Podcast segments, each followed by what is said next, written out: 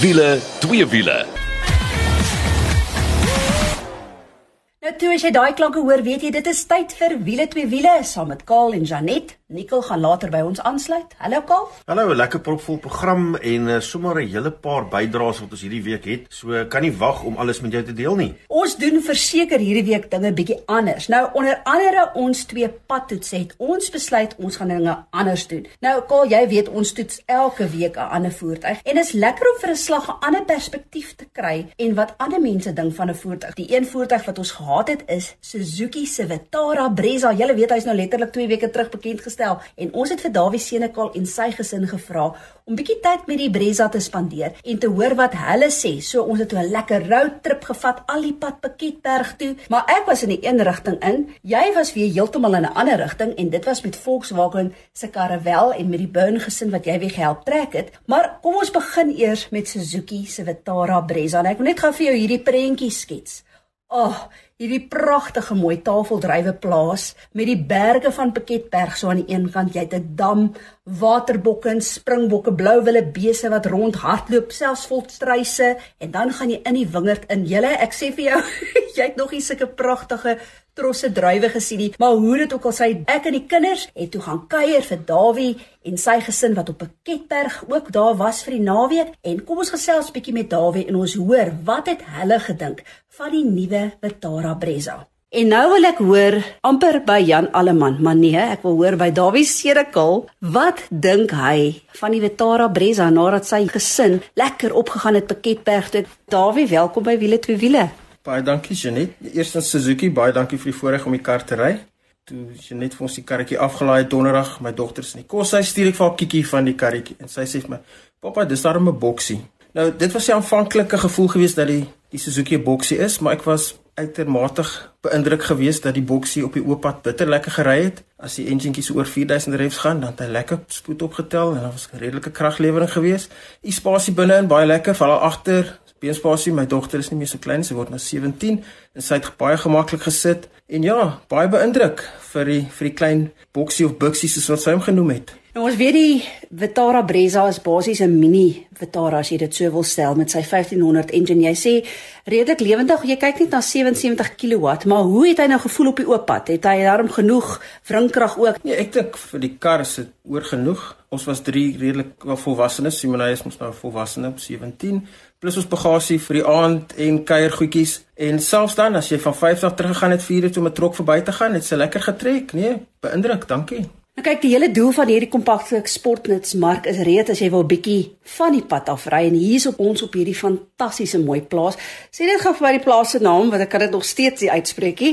Die plaas is Lac du Soleil. En die lieflikste drywe. Kyk as jy nou nog nie ons Facebook bladsy gelike het nie, wil ek hê jy moet dit asseblief gaan doen want dan gaan jy sien, man, dit lyk nie soos drywe nie, dit lyk soos pruime wat hang hierdie trosse. Nou op die plaas het jy ook lekker gery met die Brezza. Hoe voel sy op die grond? Nee, dit is baie bekwam. Um so 'n stukkie wat eintlik 'n bietjie rowwer is as 'n grondpad, maar ek dink die grondvrye hoogte baie netjies gewees. Daar's 'n paar waar in die winter van die die groter dubbelkajuit bakkies nou slote gemaak het en die Brezza het lekker wydsvoet bo dit gegaan, geen probleme gehad nie. Um teen van die styl heuweltjies op Eerste raad glad nie probleme nie, voel die tok het vir mooi deurgetrek. Bitter beïndruk op die grondpad ook. Ja, dankie. Wel ek wil dankie sê dat julle verslag vir ons 'n ander perspektief gee en is nou lekker om vir 'n slag te hoor uit 'n ander oogpunt uit hoe voel die karretjie. So dankie Dawie. Nou die pryse vir die Brezza begin by 244900. Dis vir die 1.5 GL handrat. Dan kry jy ook die 1.5 GLX handrat vir 289900. Nou dis spesifiek die een waarmee Dawie en sy gesin ook dan gery het. Maar die goeie nuus is jy kry ook 'n outomaties en dit gaan jou kos so 309900. As jy wonder waar val die Vitara Brezza in? In die kompakte sportnuts reeks van Suzuki kry jy die Espresso, dan kry jy die Ignis Dan kry jy nou die Vitara Brezza en dan die groot boetie wat natuurlik die Vitara is. Ek kan vir jou sê dat die GL en die GLX model is gelaai met spesifikasies om net vir jou idee te gee. Soos met die GLX by kry jy 16 duim alloy wiele, LED hoofligte, LED dagryligte, misligte, Ag nee, die lys gaan net aan en aan. Onder andere jou 7 duim raakskerm met Apple CarPlay Android Auto. En ietsie wat ook uniek is vir hierdie segment, soos jou boonste paneelkussie kan byvoorbeeld koel cool raak want hy's gekoppel aan die lugversorging. So, doen jouself net 'n guns, gaan loer bietjie op ons Facebook bladsy, dis wiele twee wiele, dan gaan jy sien hoe pronk hierdie Vitara Brezza op hierdie pragtige tafeldryweplaas in Piketberg wat deel vorm van Into Fruit. Maar nou eers oor na Kaal se roadtrip met die Volkswagen Caravelle en die Burn gesin. Ja, ons het letterlik 'n ander rigting ingeslaan en uh, die hele storie het begin die Saterdagoggend en ons het so 7 uur die pad gevat, al die pad Montetjie toe, deur die Boland gery, lieflik in hierdie wonderlike 6.1 Caravelle wat Volkswagen vir ons gegee het en ek moet vir jou sê gemaklik, gemaklik, gemaklik. Wat ons baie keer doen is ons sal die voertuie ry en dan na die tyd eers gaan kyk wat kos dit, wat is die spesifikasie basies net dat 'n ou nie uh, voor die tyd 'n indruk in jou kop het voordat jy nog die voertuig ervaar het nie. En ek moet vir jou sê Janet, was dit nie ongelooflik om so deur daai berge en goed te ry. Ons is deur die Toy Stoof tonnel. Ons het sommer besluit om Rossenwil om te ry, so ons het so boog rondom Woester gery en o, oh, wat 'n lekker voertuig. En die beste van alles is is natuurlik sit jy baie gemaklik en jy kom nie agter dit is so groot kar nie. En dit kan ek vir jou sê is te danke aan 'n elektromeganiese stuurstelsel wat die gewone hidroliese een vervang. 'n Klomp voordele wat dit het. Um, jy het 'n beter gevoel oor die voertuig, soos ek sê, hy stuur baie maklik en dan uh, maak dit hom ook baie ligter op brandstof. Maar in uh, Montetjie aangekom, toets dit eers pak pak pak want hierdie hele burn gesin is toe nou op pad George toe. Nou uh dis 'n eendag trippie waarvan ek jou vertel en ek het weer opgeëindig in die Kaap. Hierdie moes alles in een dag gebeur en ek moet vir jou sê, was dit nou nie ongelooflik om die gemak en die gerief van hierdie karrevel regtig te toets nie. Ons het hierdie karrevel gepak en ek moet sê ons was vol, ons is 5 mense binne in gewees en jy kon soveel meer goed binne in die kar laai ook want as jy agter sy sy uh, kattebak oopmaak as jy dit so kan noem, dan uh, is daar 'n pakplek van letterlik oh, seker amper 'n paar sentimeter van die grond of al die pad boontoe. Die sitplekke kan skuif. Jy kan 'n konferensie daar binne hou want die stoele kan nie ja. rond te draai. Die raakskerm en al daai tipe goed is groter as wat dit gewoonlik is. Die lugversorger werk reg deur die kar, so elke reisitplekke het ook hulle eie lugverkoeling wat jy kan gebruik. 'n Goeie klankstelsel. Ons het die heel pad musiek gemaak. dit was nou regtig soos hulle sê 'n roadtrip. En ja, jy net daai enjin. Ek dink die enjin is 'n groot ding. Dit is 'n groot kar en toe ek sien hy dis 'n 2 liter, dog ek, mm, hoe baie krag kan dit nou weet miskien is dit 'n bietjie te min maar jy kyk na 146 kW jy kyk na 450 Nm wringkrag met daai lieflike 7 spoed DSG radkas ongelooflike paring en joh um, ek kon net nie glo hoe lekker daai kar ry nie is deur bergpasse dis mos maar tipies Kaap en uh, ja dit lieflike ervaring en dis natuurlik Volkswagen se karre wel jy weet dis interessant ook Toe Dawie nogal vir Jan is nou my een seentjie vra, hoorie so, wat is uit die perfekte familievoertuig? Wat sê hy? Volkswagen Caravelle. Ek sê vir jou, dit voel soos 'n sitkamer op wiele.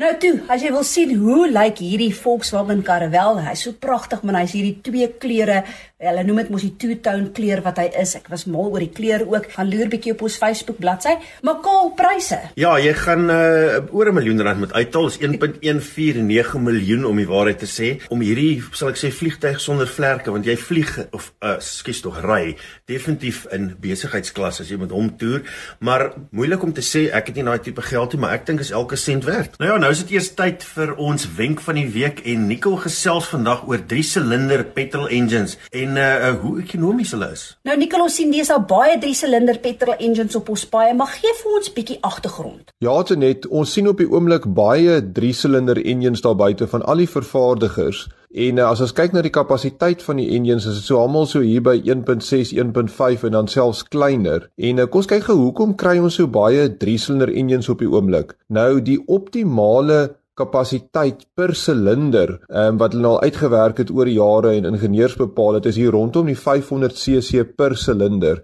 So dis hoekom 'n mens kry byvoorbeeld 'n 6 silinder wat 3 liter is, 'n 4 silinder wat 2 liter is en dan nou deesdae hierdie 3 silinders wat baie naby aan die 1.5 liter kapasiteit is. So dit is omtrent jou optimale as dit nou kom oor benuttingsgraad, efficiency, uh brandstofverbruik, kraglewering en so aan. Verliese om min te hou en so aan. Dan kom ons so by 1.5 liter vir 'n 3 silinder. Nou wat hulle deesdae natuurlik 'n uh, turbo engines het en daai enjintjies al hoe kleiner begin raak, uh, lyk dit vir my of die 3 silinder nou baie gewild raak. Maar ek wil sê vir my, hoekom gaan mens dan nie na twee silinders toe as jy 'n 1 liter engine het nie? Kaal sou die rede hoekom die engines dan by 3 silinders bly, selfs as die kapasiteit nou afneem na 1 liter en selfs na 0.9 liter soos ons weet daai Renault engine is. Die rede daarvoor is dat 'n 2 silinder engine sal net te veel vibrasie hê. So met 'n 3 silinder is natuurlik jy nog steeds meer vibrasies as op 'n 4 silinder, maar dis heelwat beter as 'n 2 silinder. En hou ons nie almal van daai klank wat 'n 3 silinder engine maak nie. Dit klink mos so amper soos 'n halwe V6.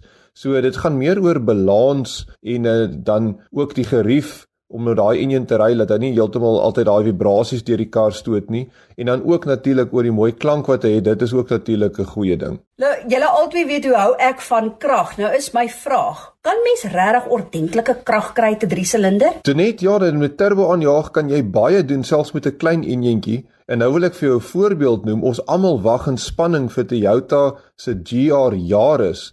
En daai karretjie het 'n 1.6 liter 3-silinder met hoor hierso 192 kW. Is dit nou nie te versmaai nie? So ja, nee, 'n uh, 3-silinder turbo enjintjie kan vir jou genoeg krag maak. Baie fabrikante maak nou 1.5 of 1.6 3-silinder engines. Nou uh, wil ek weet, deel die fabrikante dan nie hierdie engines nie, Nicole? Kaal so die storie dat uh, vervaardigers engines deel kom nou al 'n lang pad. Ons weet al almal van vervaardigers wat selfs platforms deel dat daar heelwat voertuie daar buite is wat op dieselfde onderstel is. So dit gaan met dieselfde uh, prinsip oor kostebesparing. Dit kos baie geld om 'n nuwe enjin te ontwikkel. So as daar nou 'n klein kapasiteit enjin ontwikkel word, sal die vervaardigers baie keer probeer om enjins te deel. So ons weet byvoorbeeld dat Renault en Nissan het mos daai verhouding dat hulle baie enjins met mekaar deel En selfs Renault en Mercedes op die klein enjintjies deel ook engines. So dis maar definitief om koste te bespaar, maar uh, dan wil ek ook net noem dat onthou Elke vervaardiger het sy eie stel ingenieurs wat op daai hardeware werk. So baie keer is die hardeware dieselfde, maar die kalibrasie, soos wanneer die brandstof moet inspuit, hoeveel kraglewering hy moet maak, al daai tipe van goed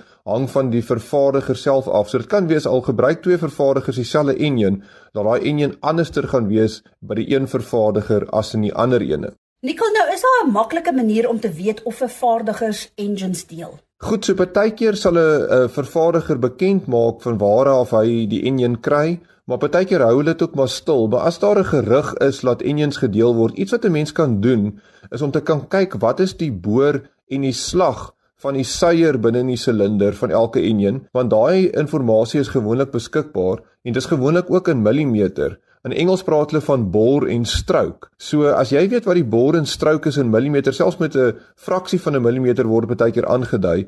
Natuurlik daai afmetings moet dieselfde wees op een enjin gelyk in aan die ander ene. Anders is dit definitief nie dieselfde enjin. Nou ons weet daar is 'n kans dat twee vervaardigers uh, enjins kan uitdink met presies dieselfde uh, boor en slag, maar dit gebeur nie baie nie. So dis iets wat ek gereeld doen as hulle sê daai twee enjins is dieselfde, gaan kyk bietjie wat is die boor en slag van daai seiers vergelyk dit met die ander een en dan weet jy sommer of daai enjin gedeel is. Nou ja, is altyd lekker om uh, na Nicole te luister vir alles wat gaan oor meganika en tegnologie en uh, daar leer ons alweer iets. Op daai noot gaan ons amper bietjie asem skep. Jy sal onthou die afgelope 2 weke vertel ons jou mos van hierdie fantastiese groot Parys leefstyl landgoed daar in die Boland in die Parel. Man, vir 50 plussers, stel jou net voor as jy 50 of ouer is, kan jy vir jou so 'n lekker plekkie kry waar jy kan gaan asem skep eendag man. Ek sien dit hierdie prentjie van ek op die stoep met my koppie boere troos kyk so na die Parelberge. Maar moenie laat ek die prentjie vir jou skets nie. Hoor wat sê Robbie Wessels en luister hierna. Ek het 'n meisie gaan haal in die Parel. Kom word deel van 'n landelike renessansgebied in die Parel. Op Groot Parys kan 50-plussers op 'n historiese Bolandse plaas kom neskop. Geleë naby alles, wonings met noodfrontliggings, uitsigte en topklas sekuriteit. Verskeie opsies is beskikbaar en met ander bergasontwikkelaar lê net die beste nog voor. Besoek grootparysestate.co.za vir meer en kom maak Groot Parys jou Bolandse tuiste. Alles laat dink my aan jou.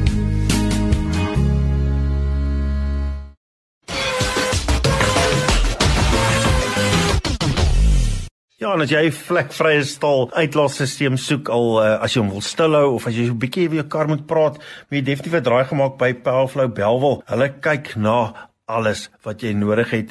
En uh, weet jy wat, dis nie net 'n jaar waarog nie, dis sommer 5 jaar. So 'n uh, verbeter werkverrigting, brandstofverbruik en al Bellflow Bellville, dis die plek vir jou. En is so maklik soos www.bellflowbellville.co.za. As jy nou net ingeskakel het, dis wiele, twee wiele saam met Janet en Kaal. Maar nou is dit eers tyd vir twee wiele en ons gaan 'n bietjie gesels met Clinton Pinaar. Ja, ons gesels met Clinton Pinaar al die pad daar uit die Parel uit en uh, as ons met hom praat, dan moet jy weet dit is Oranje en dit is KTM want uh, hy is daar doenig en hy het baie goeie nuus vir ons. Daar's 'n splinte nuwe KTM op pad wat in April bekend gestel gaan word en dit sal bekend staan as die KTM 1290 Super Adventure S en R. So hallo Clinton, ag, is lekker om 'n slag weer met jou te gesels. Hi Janet, hi Cole. Ja, dit is lekker om weer hier saam met julle te wees. Maar kom ons begin net eers by die Superbike tydskrif. Jy is nie meer die redakteur nie, maar die Maart uitgawe van die Superbike tydskrif is tans op die rakke. Vertel. Hi Janet, ja, ek moet jou sê, ons het by die garage gestop en daar was 'n nuwe Superbike tydskrif en uh, ek het hom toe gaan koop en dit was nou die eerste ene wat ek nou uh,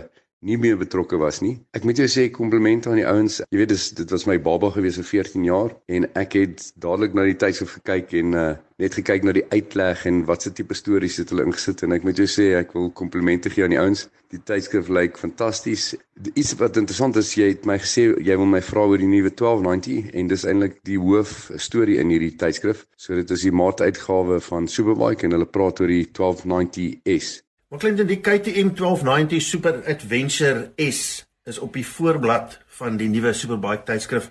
Wanneer kan ons hom in die land verwag? Wel die goeie nuus is dat die die launch van die twee modelle, die 1290S en die 1290R gebeur hierso by die 12de April en ons gaan dan as al die handelaars gaan ons dan die 14de 15de laat ons die fietses vir die eerste keer ry en dan die goeie nuus gaan al die handelaars op hulle eie die 17de daai Saterdag jy waarskynlik 'n reveal doen of 'n launch en uh, ons het nogal iets spesiaals uh, in plek vir uh, daai Saterdag die 17de April. Onthou die 17de April wanneer al die KTM handelaars 'n onthulling gaan doen van die nuwe KTM 1290, maar vir diegene wat so gelukkig is om in die Kaap te bly, vertel ons bietjie wat beplan KTM Parel vir die 17de April. Wel terwyl ons hier in die Kaap is en daar soveel wynplase, die Anure wynplaas het nogal 'n baie bekende plek waar baie mense vir rider training gaan en hulle doen 'n hele klomp launches. So ons het nou met die ouens gaan praat. Die hoofeienaar daar, Time and Rain, in elk geval 'n 1290R en ons het hulle gevra of ons die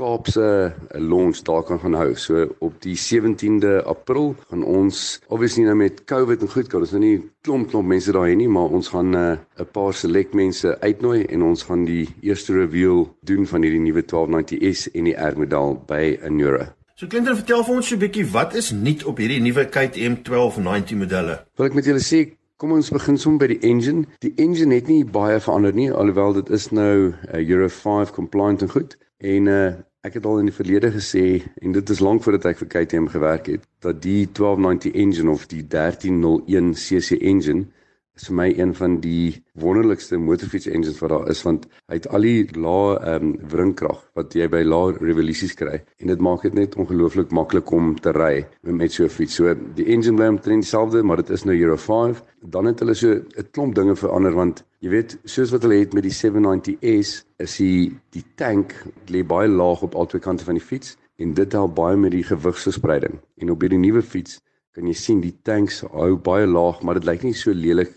Ek hou persoonlik nie baie van hoe dit lyk op die 790 nie. Dit lyk vir my te vet en hulle het nou by die 1290 gemaak dat hy uh, die fiets lyk nie so vet nie. So ek is bly daaroor. Die suspensie het ook verander op die twee modelle. Vertel vir ons meer. Ja, kyk met die twee fietses, die S en die R, is die suspensie heeltemal verskillend van mekaar. Op die S, dit is obviously nou meer 'n fiets vir die pad, so hy hy kom uit met magwiele Alhoewel mense nou kan speke aanvra, maar daai fiets kom nou met die 19 duim en die 17 duim wiele voor en is ook elektroniese suspensie wat jy kan stel. So as jy op jou eie ry kan jy die gewig verstel net met 'n knoppie, dan as jy twee mense is of twee mense met bagasie. So dit is een van die lekkerste toerfietsse wat jy kan ry en hy het 'n groter windskerm. Maar dan op die R model het hulle weer die WP suspension, maar jy stel dit manually en uh, die interessante ding is hulle die um, swing arm langer gemaak en hulle die um, rake and trail bietjie ingebring en en met die tanks wat so laag is ek het nou self nie die fiets gery nie maar ek het al met oorseese joernaliste gepraat wat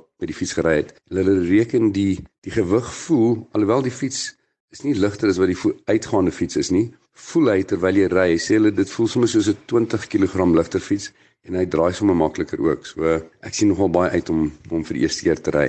Ja, kyk, ons toets ontsettend baie uh, karre met soveel tegnologie en goed in, maar lyk like my die motorfiets is nou besig om baie vinnig op te vang. En hierdie nuwe KTM modelle, kry jy nou adaptive speed control en dis ook een van die redes hoekom die ligte anders lyk. Vertel so 'n bietjie meer. Ja, dit is nou iets nuuts wat hulle op motorfietsse sit. Al die leekse Mercedes-Benz en Audi en ehm um, BMW karre kom al daarmee uit. Hulle noem dit adaptive speed control. En wat dit is is jy kan sê net maar jou speed control stel op 120 of 130 km/h en dan terwyl jy ry, as jy agter op 'n kar afkom, gaan hy dan outomaties daai distansie kan beheer en die fiets sal of stadiger eh, begin ry, maar als outomaties. En as jy dan uittrek, dan sal die fiets begin outomaties weer vinniger ry.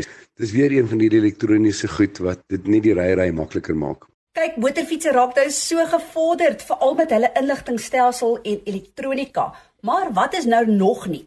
Ek moet jou sê net die dash wat hulle op hierdie goed het, dis nou amper soos 'n 'n iPad. Jy kan nie glo al die elektroniese goed. As jy nou gaan in die tydskrif koop en jy nou kyk hoe dit lyk, maar dis amper soos 'n ek wil amper sê 'n fighter pilot se se dash. Jy kan elke liewe ding van die banddruk tot die kaarte tot jou foon se telefoonnommers, alles raak net meer en meer integrated. So ja, en en obviously die fiets kom uit met 'n rally mode nou wat jy kan die die traction control stel op verskillende levels. Jy weet nie waar dit gaan eindig nie, maar dit hou net nie op nie. Maar nou ja, kyk as daar tegnologie is, dan uh, is daar 'n prys ook. En uh, vertel ons so 'n bietjie wat gaan hierdie nuwe KTM ons kos? Ja, dit is nou een van die eerste KTM fietsse wat kommersieel beskikbaar is wat nou oor die 300 gaan. So hulle begin hierso by so 315 000 rand en dan kan jy begin opsies bytel. So um, ons het die ander dag so gespeel op die KTM configurator en ons het nogal maklik by 'n fiets gekom wat by 400 000 rand uitgekom het, maar dit was nou saam met al die tasse en al die verskillende opsies wat jy kan vra vir die fiets. Maar ja, die goed word duur. Nou terwyl jy droom oor jou nuwe KTM 1290, kan jy solank ook meer gaan lees oor die nuwe modelle en dit is natuurlik in die Superbike tydskrif se Maart uitgawe. Maar Clinton sê bietjie vir ons, waarna kan ons nog uitsien om van te lees? Ja, net om weer terug te kom na die tydskrif toe. Daar's 'n hele klomp dinge wat hulle nou wys in die tydskrif van nuwe modelle. Hulle praat oor die geskiedenis van die Fireblade, al die Honda Fireblade goed. Ou Mignus hulle is in Columbia oor daai ehm um, die die doodspaaie En dan praat hulle nogal lekker oor wat gebeur in die MotoGP. Daar's 'n hele storie oor Jean Meer wat uh, nou die kampioenskap gewen het. Ja, en dan die ou fietsse XS 1000 Yamaha, die ou shaft drive. Hulle praat oor dit. So ja, alles en alles is dit 'n baie interessante tydskrif en hy's oral op die rakke beskikbaar. Nou toe altyd lekker om met hom te gesels nie. Ek kan sommer die man se entoesiasme hoor. Hy is lief vir sy twee wiele en uh, ja, kom ons kyk wat hierdie KTM vir ons gaan bring en ek is seker ons sal homself onder hande kry. Alsinet, Kaal, baie baie dankie. Dit was nou lekker om met julle te praat en uh onthou om na die nuwe fietsse te gaan kyk by al die KTM handelaars. Nou toe, as jy uit die Kaap is, gaan maak sommer 'n draai by KTM Parel of weet ook dat al die KTM handelaars in die land gaan wel 'n onthulling doen van hierdie nuwe motorfiets en as jy wil weet waar hulle is, besoek letterlik www.ktm.com en gaan net na Suid-Afrika se blad. En dit is alles vir wiele twee wiele vir hierdie week. Tot volgende week toe. Hou daai wiele aan die rol.